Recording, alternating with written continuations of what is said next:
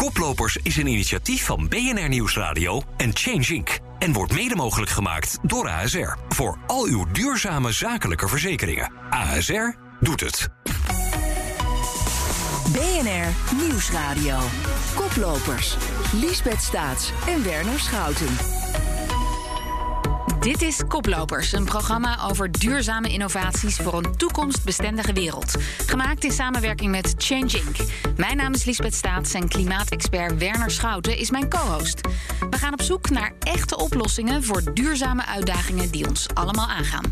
Met vandaag een kritische blik op de eigen business. Wat is marketing en waar maken we echte impact? De transitie van bedrijven naar een duurzame en inclusieve economie stagneert, zegt onderzoek van Rabo Research. Een doorn in het oog van de milieuorganisaties, aangezien uh, zij vinden dat uh, Shell hier een beetje uit zijn nek kletst, zal ik maar zeggen. En ze noemen dat zelf greenwashing. Het nieuwe kabinet gaat duurzaam en verantwoord ondernemen opleggen. Ja, verplichten dus. Die thema's klimaat, circulariteit en inclusiviteit, die zijn gewoon veel belangrijker. En dan komt uiteindelijk, de groei komt er wel aan.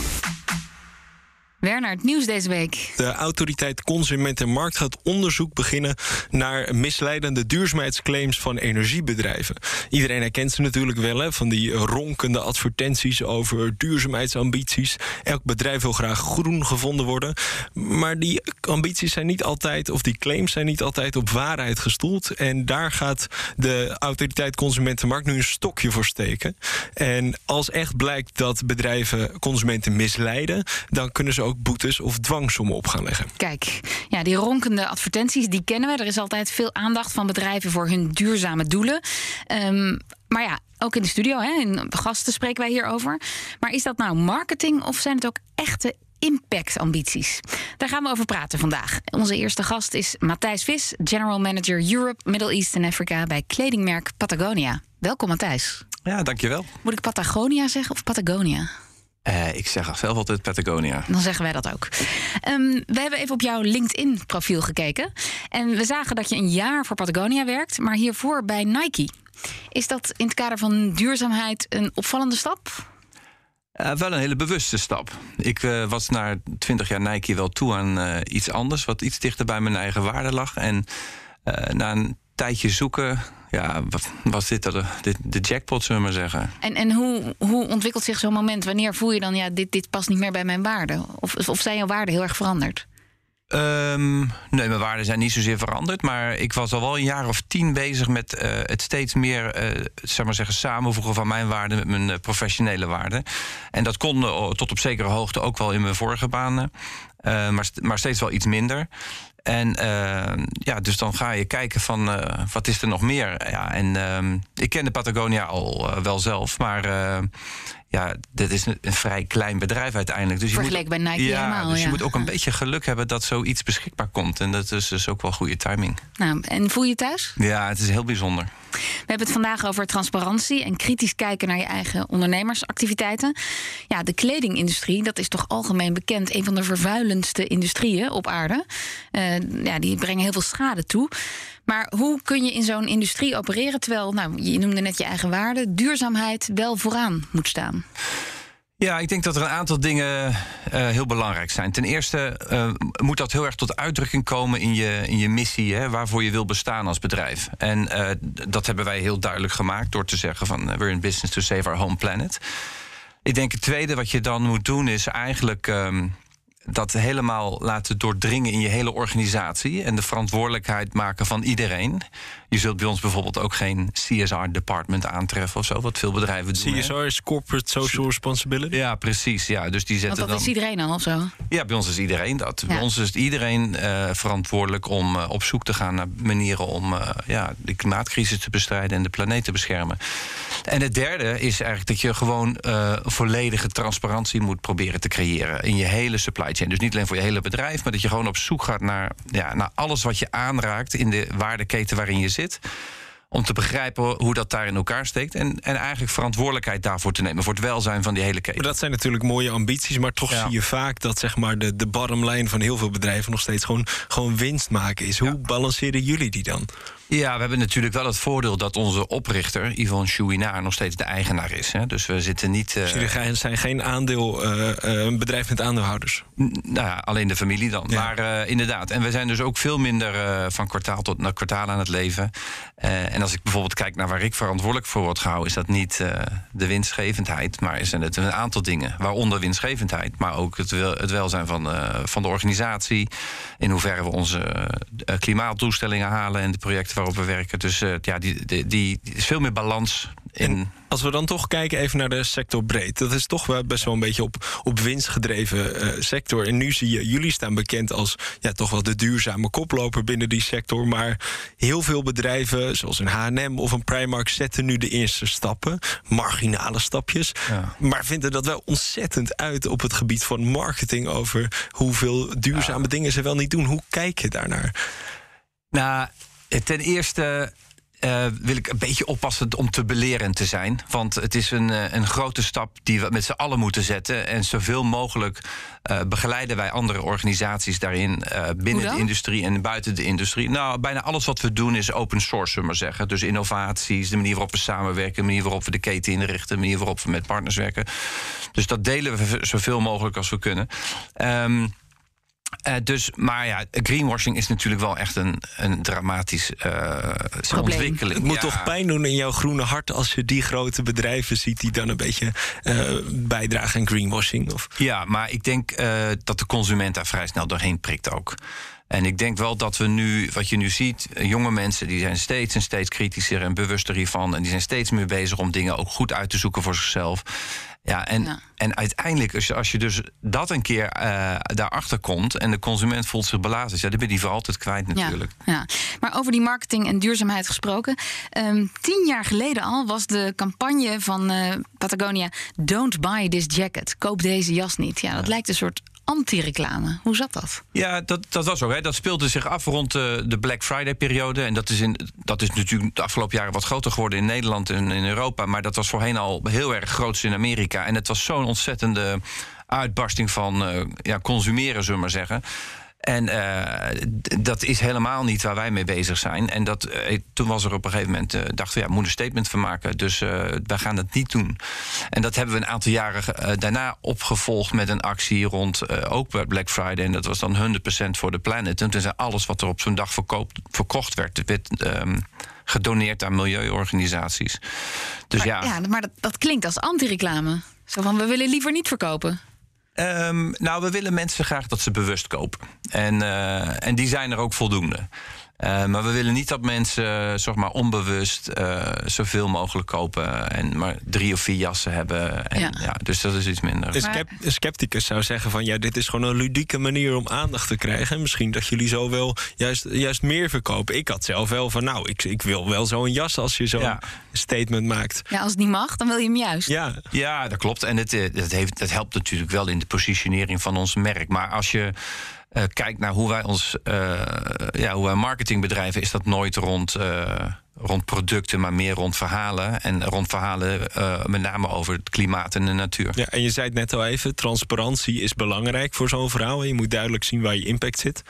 Hoe garandeer je aan bedrijven dat er niks misgaat in je supply chain? Zeker ook in de kledingindustrie. Ja, ja, ik denk een aantal dingen. Als je, als je transparant wil zijn en als je dit soort werk echt omarmt als bedrijf, dan moet je ook zeggen van ja, dat betekent ook dat er fouten gemaakt kunnen worden. En als die fouten op je pad komen, dat je daarvoor open staat en daar aan oplossingen probeert te werken. Dus ik denk, eh, ik, ik denk dat wij de garantie kunnen geven dat we maximaal ons best doen, dat er geen fouten in onze waardeketen zitten. Maar die garantie kunnen we niet geven. Maar we zijn nu wel ontzettend ver in wat wij noemen de traceability van alles wat ze doen. En dat gaat echt van de katoenboeren tot en met het winkelpersoneel. Dat we echt heel goed in de gaten hebben wat overal gebeurt. Dus we kunnen heel veel dingen helemaal terugbrengen tot eh, individuele. En is dat te checken op jullie site bijvoorbeeld? Ja, dus je kunt als je een product koopt, kun je zien in welke fabriek het gemaakt wordt en eh, ja, hoe die keten in elkaar zit. Ja. Want misstanden zijn er nog steeds. Jullie zijn ook wel eens beticht van dat jullie eh, katoen uit eh, volgens mij werkkampen van met Chinese Oeigoe- Oeigoeren haalden. Ehm, hoe ga je daar dan mee om? Uh, hoe kan dat dat zo'n bedrijf dat eigenlijk transparantie zo hoog in het vaandel heeft staan, toch zoiets heeft? Ja, um, dat specifieke geval, eh, dat, uh, dat, is, uh, dat kwam vrij recent naar voren. Er is een aanklacht ingediend of een verzoek tot onderzoek is er ingediend. Um, en eigenlijk niet zozeer puur tegen Patagonië, maar generiek tegen alle bedrijven in de kledingindustrie met een hoofdkantoor, uh, Europees hoofdkantoor in Amsterdam. Dus daar waren wij onderdeel van. Uh, wij zijn eigenlijk al in 2019 kwam dat bij ons voor het eerst uh, naar voren. En toen zijn we uh, daar onderzoek naar gaan doen.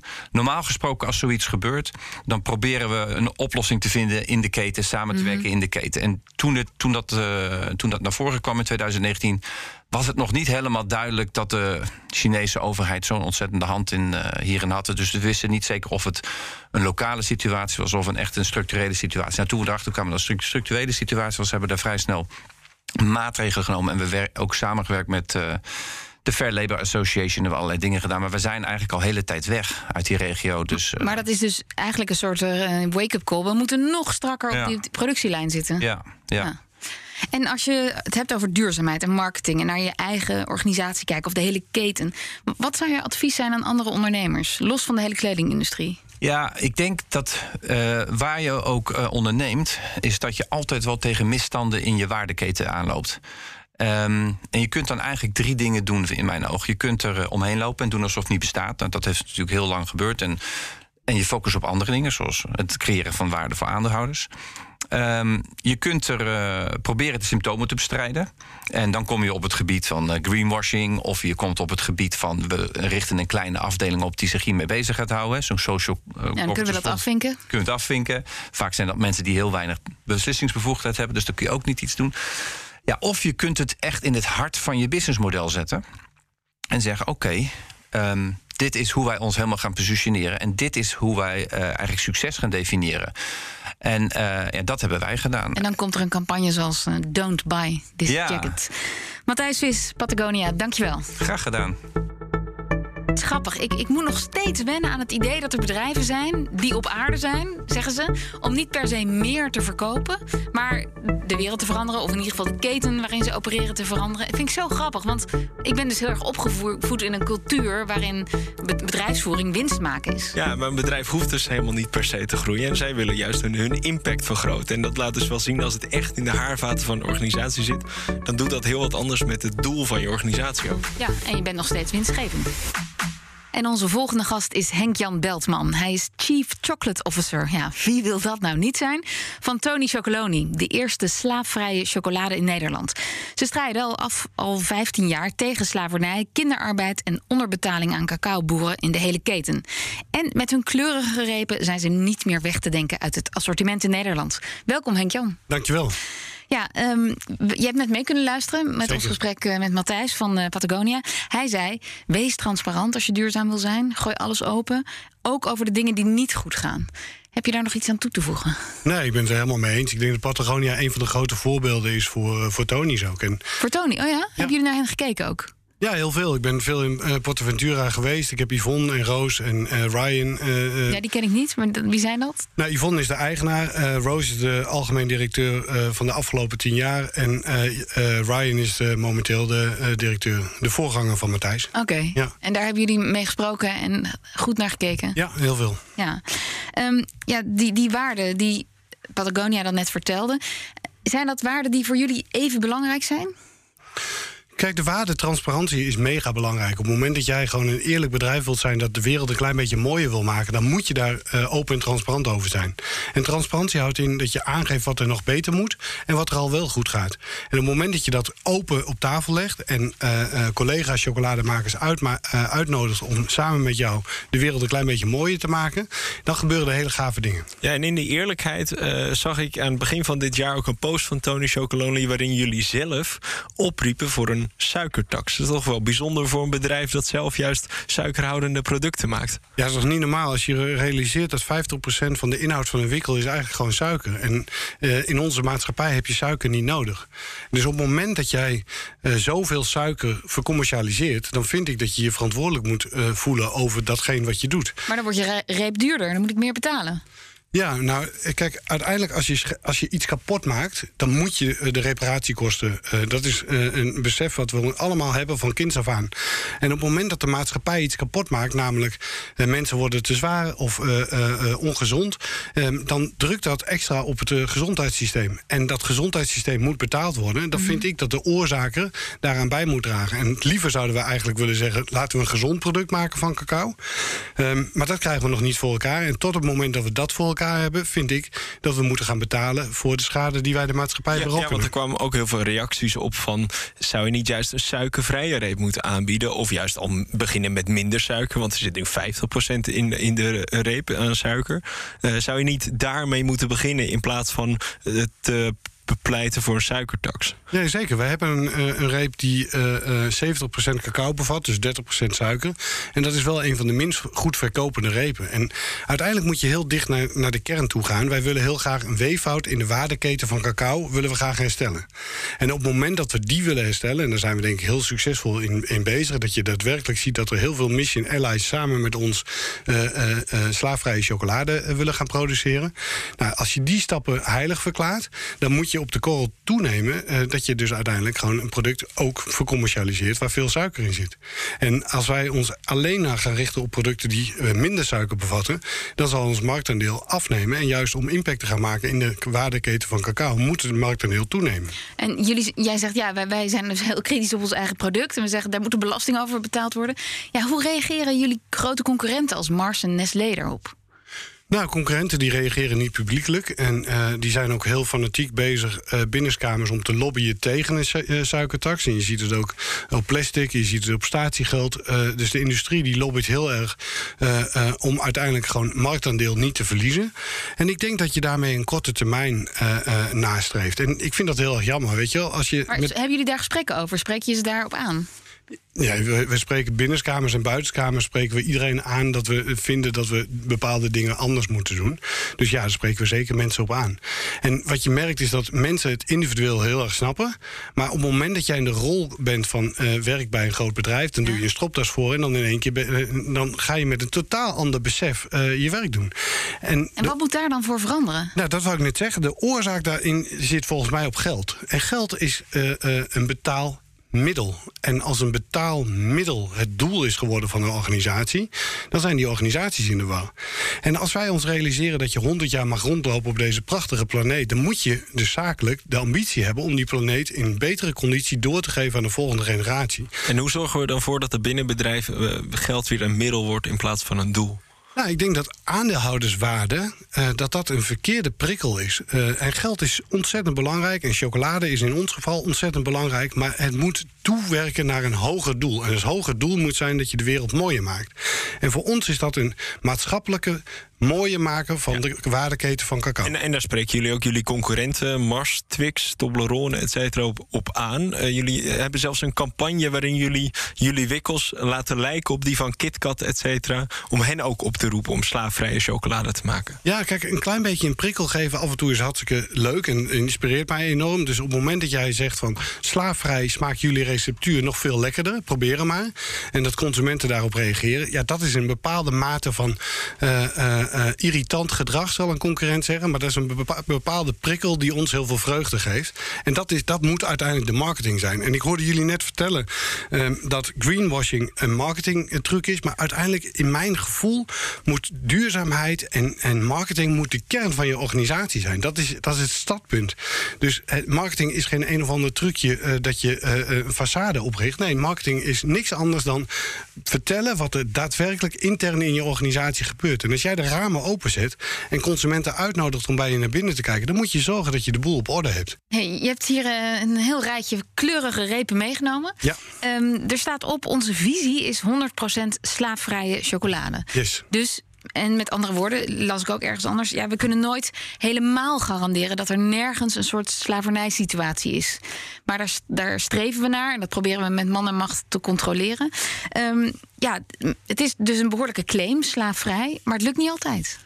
Nou als je realiseert dat er vandaag 1,53 miljoen mensen illegaal werken in de cacaoketen.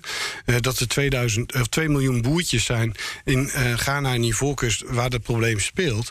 Dan heeft het ermee te maken uh, dat je je moet houden aan een professionele manier van inkopen. En een van de items die daarin heel erg belangrijk is, is dat je gewoon een leefbaar inkomen aan de boer betaalt, zodat hij zijn, of zij zijn kinderen naar school kan sturen. En op het moment dat die kinderen naar school gaan, staan, lopen ze niet op de plantage. En dan zie je dat er uiteindelijk een heel zelfreinigend systeem ontstaat, doordat het beter gaat in de communities waar we zaken mee doen. Uit een rapport van True Price 2019 volgens mij staat toch dat er nog, wat, uh, nog geen leefbaar inkomen aan elke boer wordt betaald. Dat is de, mening van uh, True Price. Uh, maar uiteindelijk hebben wij, betalen we aan alle boeren betalen we een leefbaar inkomen. Ze zitten in de coöperatie en ze delen dat inkomen met andere boeren die lid zijn van die coöperatie. Wij nemen niet alle cacao af van die coöperatie. Dus de leden van de coöperatie krijgen niet allemaal wat de, een true price als een leefbaar inkomen heeft gedefinieerd. Maar de boeren, of het volume wat wij afnemen, staat garant aan een leefbaar inkomen voor een boer. En dat is nog steeds een ontzettend minimaal laag inkomen. En wat je, wat je ziet is dat wij zo hoog mogelijk een inkomen willen betalen.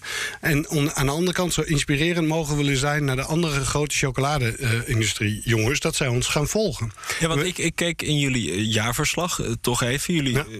laten zien dat jullie anderhalf miljoen aan Antonisch premie afdragen aan jullie boeren. Maar tegelijkertijd gaat er ook 12 miljoen euro naar marketing, samenwerking met Pharrell Williams en dergelijke. Uh, terwijl ja, andere impactbedrijven zoals Lush bijvoorbeeld zegt: wij doen helemaal geen advertenties meer. Sneakermerk VA doet ook niet aan advertenties. Uh, is het niet een beetje scheef gegroeid tussen marketinggelden en zou je die, boeren niet meer kunnen ondersteunen? Nou, kijk, die cijfers uh, die, die, herken ik niet helemaal. Um, maar uiteindelijk, marketinggeld is het vercommercialiseren van de producten die je maakt. En je moet ervoor zorgen dat je eerlijk inkoopt en dat je een duurzame prijs betaalt aan de boer waar je zaken mee doet. Dat moet in onze optiek een zo hoog mogelijke prijs zijn. Om inspirerend te zijn naar, naar de gevestigde orde, moet het een zo laag mogelijke prijs zijn. Ja. Dus dat zijn twee lijnen die elkaar kruisen. En op dat kruispunt hebben wij uiteindelijk gezegd: wij betalen 50% meer aan een boer. Um, en uh, we nodigen de industrie uit om ons te volgen. En dat gaat ontzettend goed. Als je kijkt naar Tony's Open Chain. Uh, Tony's Open Chain is een manier van werken waar Delicata zich bij aangesloten heeft, waar Aldi zich bij aangesloten heeft, waar Fly zich bij aangesloten heeft. Waar binnenkort uh, bekendgemaakt wordt dat een enorm grote partij uit Amerika zich gaat aansluiten. En op het moment dat de ambitie is om 5% van de West-Afrikaanse cacao in te gaan kopen via Tony's Open Chain, dan ben ik ervan overtuigd dat we naar de threshold gaan dat uiteindelijk die hele industrie gaat, gaat veranderen. En precies dat spanningsveld hè, tussen uh, de hele keten meekrijgen en je eigen duurzame ambities. Hoe verhoudt, hoe verhoudt zich dat? Wat is belangrijker? De eigen duurzame en slaafvrije ambities van Tony's of de hele keten een beetje naar de goede richting in bewegen? Nee, Tony's bestaat enkel en alleen om daadwerkelijk 100% slaafvrije chocolade te gaan maken. Dus alles wat wij doen staat in het teken om de hele keten schoon te gaan krijgen.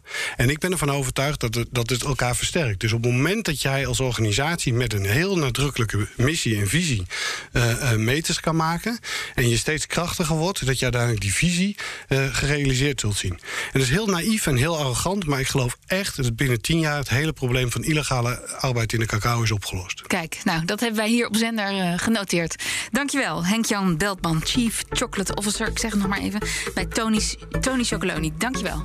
Graag gedaan. Transparantie is dus belangrijk, uh, ook om eerlijk te zijn naar de consument toe. En ik moet zeggen, daar doet Tony's het wel heel goed. Je doet als uh, presentator altijd onderzoek naar een aflevering. En op hun website staat alles over geldstromen, wat ze investeren. Dus dat vond ik wel heel makkelijk. Ja, en ook dat ze zeggen, ja, we kunnen niet alles controleren... maar het is in ieder geval ons streven.